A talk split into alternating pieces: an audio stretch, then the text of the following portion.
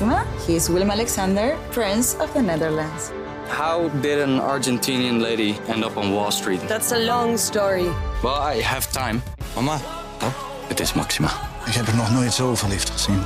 Screw everyone. All I care about is you. Maxima. Vanaf 20 april alleen bij Videoland.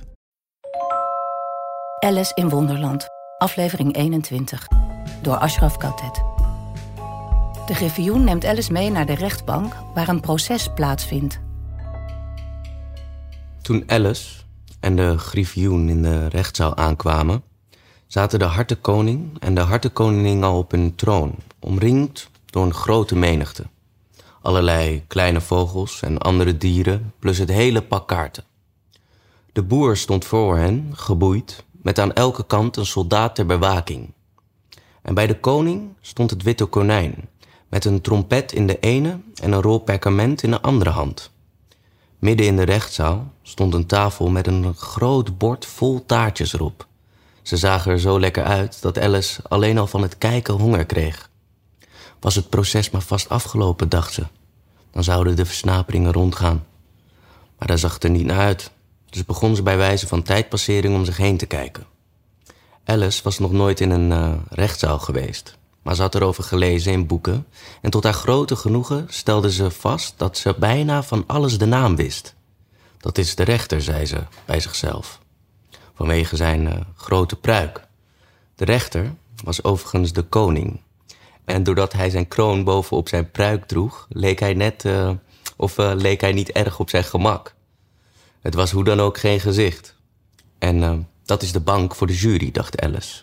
En die twaalf wezens, ze moest wel wezen zeggen, snap je?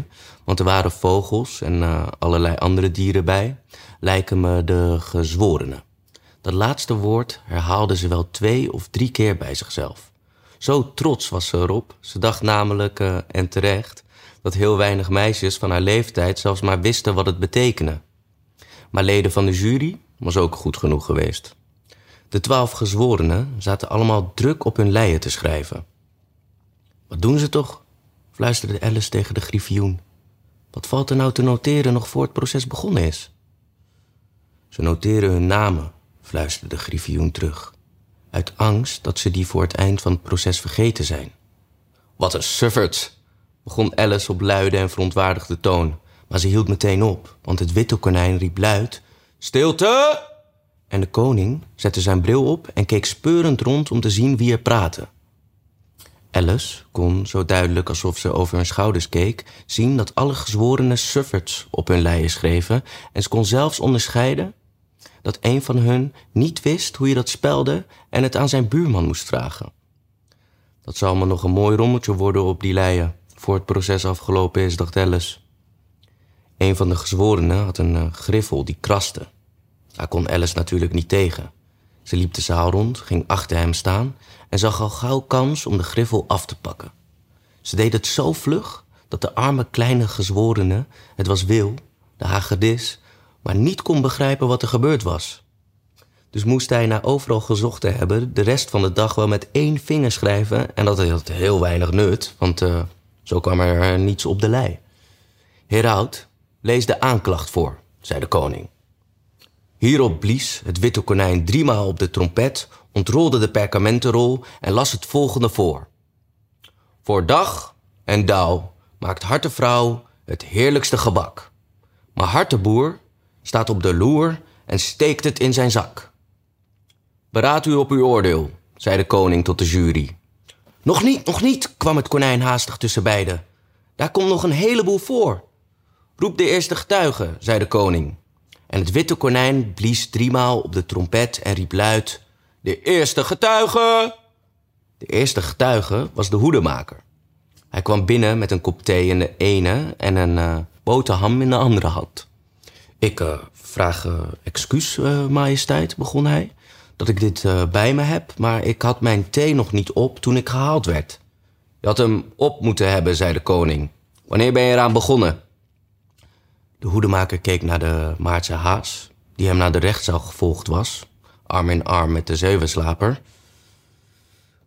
De 14e maart, geloof ik tenminste, zei hij.